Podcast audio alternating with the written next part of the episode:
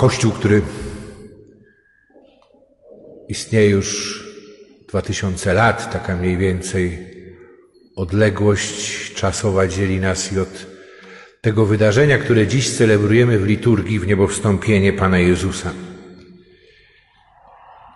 I te dwa tysiące lat historii, historii niewątpliwie pasjonującej, jeśli y, ktoś ją choć trochę zgłębiał i poznawał, a dobrze by było to przecież nasza historia. Y, historia, w której jest bardzo wiele pięknych, chwalebnych, y, jasnych kart, ale też i w której jest niemało kart ciemnych.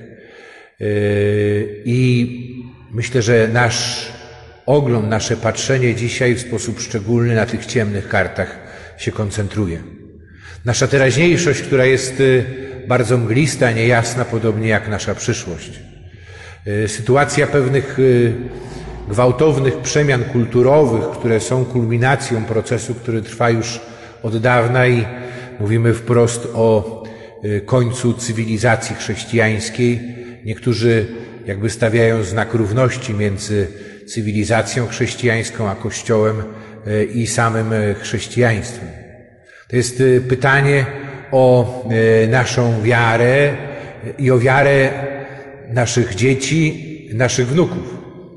Wczoraj wieczorem czytałem wypowiedź jednego z dziennikarzy, który powoływał się podobno na ostatnie badania socjologiczne, tylko nie podał ich źródła, ale mówił o tym, że 90% studentów w Polsce nie widzi jakiegokolwiek związku Kościoła z, ze zbawieniem.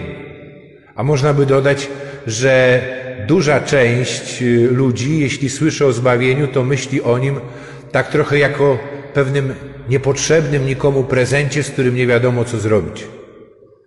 I pewnie po części jest to i nasza wina, y, wina y, tego, że mówimy w sposób niejasny, że sami nie troszczymy się o naszą relację z Chrystusem, że nasze przypowiadanie w związku z tym nie jest żywe, ale tych powodów jest bardzo dużo. Ale nie chodzi o to, żeby teraz y, szukać winnych, czy pytać się o przyczyny, tylko y, dzisiaj przeżywamy uroczystość niebowstąpienia pańskiego.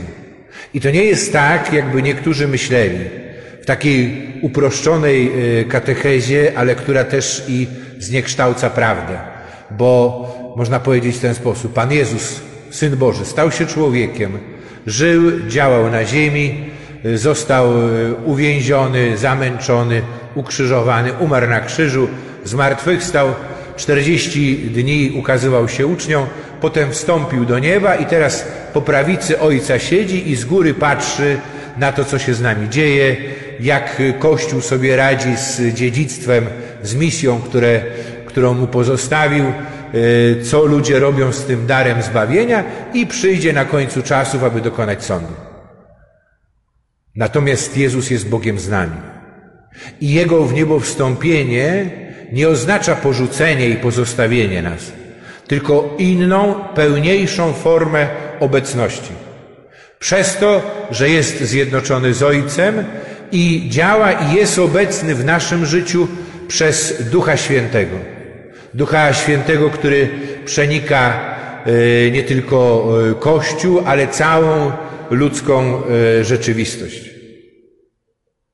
I my doświadczamy naszej kruchości, doświadczamy słabości naszej wiary. To jest to, co zarzuca Pan Jezus swoim uczniom. Gdyby cofnąć się tylko o jeden wiersz, jeśli chodzi o dzisiejszą Ewangelię, która stanowi końcową część tak zwanego długiego zakończenia Ewangelii świętego Marka, to byśmy przeczytali, że zasiadając z uczniami przy stole, zmartwychwstały Chrystus wyrzuca im ich brak wiary, ich słabość wiary. Po tym wszystkim, co przeszli i przeżyli, nie chodzi tylko o ten czas spędzony z Jezusem, ale też o Jego mękę, śmierć i bycie świadkami Jego zmartwychwstania. Ale to nie przeszkadza Jezusowi, aby posłać ich do świata, aby szli i nieśli dobrą nowinę e, o zbawieniu. Dobrą nowinę, którą najpierw sami muszą w pełni odkryć, ale odkryją też i wtedy, kiedy dzielą się nią z innymi. I skuteczność ich e, działania tak naprawdę nie opiera się na ich e, umiejętnościach, na ich e, doskonałości, ale na tym, że są współpracownikami Jezusa. Że to Jezus tak naprawdę troszczy się i On kontynuuje swoją misję i świadectwo dawane przez uczniów potwierdza znakami. Jakie to znaki? Czytamy e, o tych, że e, tym, którzy uwierzą, takie znaki będą towarzyszyć. Wije moje złe duchy będą wyrzucać. Nowymi językami mówić będą. Węże brać będą do rąk jeśli by co zatrutego wypili, nie będzie im szkodzić. Na chorych ręce kłaść będą, a ci odzyskają zdrowie.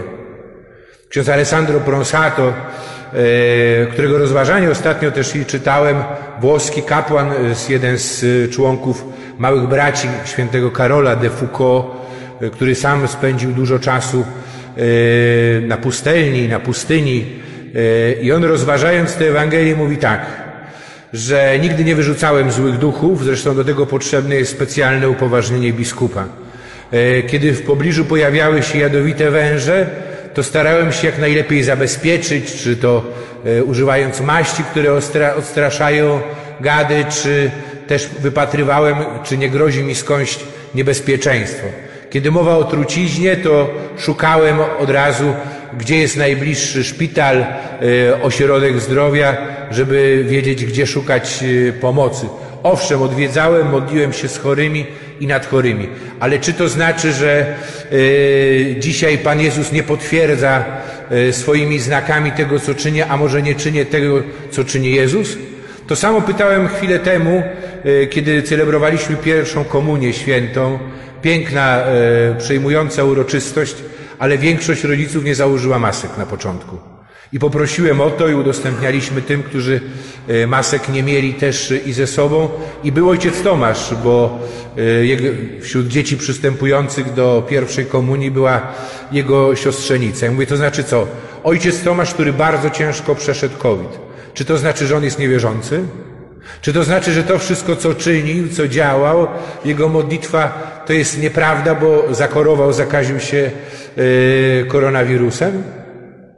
Czy raczej Bożym znakiem potwierdzającym naszą, e, nie chcę powiedzieć wierność Ewangelii, ale prawdziwość tej Ewangelii, której staramy się w sposób niedoskonały e, dawać świadectwo, nie jest właśnie to, co przeżyliśmy wtedy, kiedy ojciec Tomasz chorował. Że tu w kościele codziennie modliliśmy się za niego i gorliwie modliły się także i osoby, które go nie znały. Że pomimo tego, że więcej niż jedną nogą był już na tamtym świecie i lekarze absolutnie nie dawali mu szans, e, my modliliśmy się. I rodzina jego, jego najbliżsi też i znaleźli umocnienie w tej modlitwie i nie stracili wiary i potem mogliśmy cieszyć się i doświadczyć właśnie umocnienia naszej wiary przez to, że on wrócił do zdrowia i podjął na nowo misję, choć jak sam mówił, wszystko wygląda w tej chwili z jego perspektywy zupełnie inaczej. Czy nie jest tak, że Ewangelia opowiada o znakach, które były odpowiedzią na takie myślenie magiczne o religii, o świecie? A Pan Jezus dzisiaj potwierdza prawdziwość Ewangelii właśnie przez to, że e, stają przed nami ludzie, którzy są gotowi i świadczą o pojednaniu pomimo odniesionych ran, e, pomimo urazów, że e, szukamy, ale też i znajdujemy w Kościele, daj Boże, aby to miało miejsce w naszej wspólnocie, właśnie takie relacje międzyludzkie, gdzie ludzie nie szukają samych siebie, nie myślą o tym, jak sobie innych podporządkować, nie pytają się o to, co ja będę z tego miał, tylko służą sobie wzajemnie, odpowiadając w ten sposób na miłość do Boga, do nich, która im została objawiona właśnie w Jezusie Chrystusie, tym, który objawia się, ujawnia w naszych relacjach. To jest e, tak jak uczniowie, którzy towarzyszyli Jezusowi, byli świadkami Jego wniebowstąpienia. Słuchaliśmy o tym w pierwszym czytaniu z początku dziejów apostolskich. I teraz to jest jedna z pokus wobec tych wyzwań, y, które stają przed nami, wobec tych wszystkich trudności, doświadczenia też i swojej własnej słabości, dotknięcia także i czy współuczestniczenia w złu, stajemy i jedną z form ucieczki, czy nie jest właśnie jakaś forma modlitwy, czy uchwycenia się form, które należą do przeszłości. Jak uczniowie, którzy po wniebowstąpieniu wpatrują się w niebo i przychodzą do nich mężczyźni w bieli, aniołowie i mówią, mówiąc naszym językiem kolokwialnym, po co gapicie się w niebo? Popatrzcie wokół siebie. On jest razem z wami. On was nie porzucił, on nasz nie odszedł. Tu nie chodzi o to, żeby znaleźć jakąś cudowną formułę, taką czy inną nowennę, taką czy inną y, niezwykle skuteczną modlitwę. Ja nie mówię niczego przeciwko modlitwie, wręcz przeciwnie, ale prawdziwość i autentyczność modlitwy sprawia, że ja zaczynam dostrzegać obecność Jezusa Chrystusa tam, gdzie wcześniej Go nie widziałem.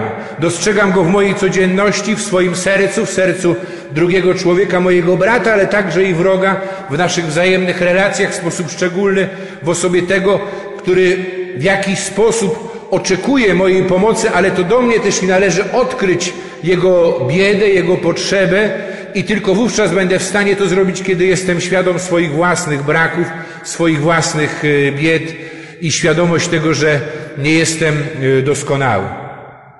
I łatwo uciec też e, w formy, które są reliktami przeszłości, bo to jest to, co mówi Pan Jezus, czego słuchaliśmy tydzień temu w Ewangelii w niedzielę i co ponownie wybrzmiało w naszych uszach i sercach, jeśli ktoś czytał czy e, uczestniczył w liturgii w miniony piątek, w święto świętego Macieja Apostoła, ta sama Ewangelia. I to wezwanie Jezusa, trwajcie w miłości mojej. Ja kiedy w piątek ją odczytałem i słuchałem, to do mnie dotarło też, że to trwajcie, to jest e, w takim dosłownym tłumaczeniu mieszkajcie, zamieszkajcie w miłości mojej. A mieszkanie to co?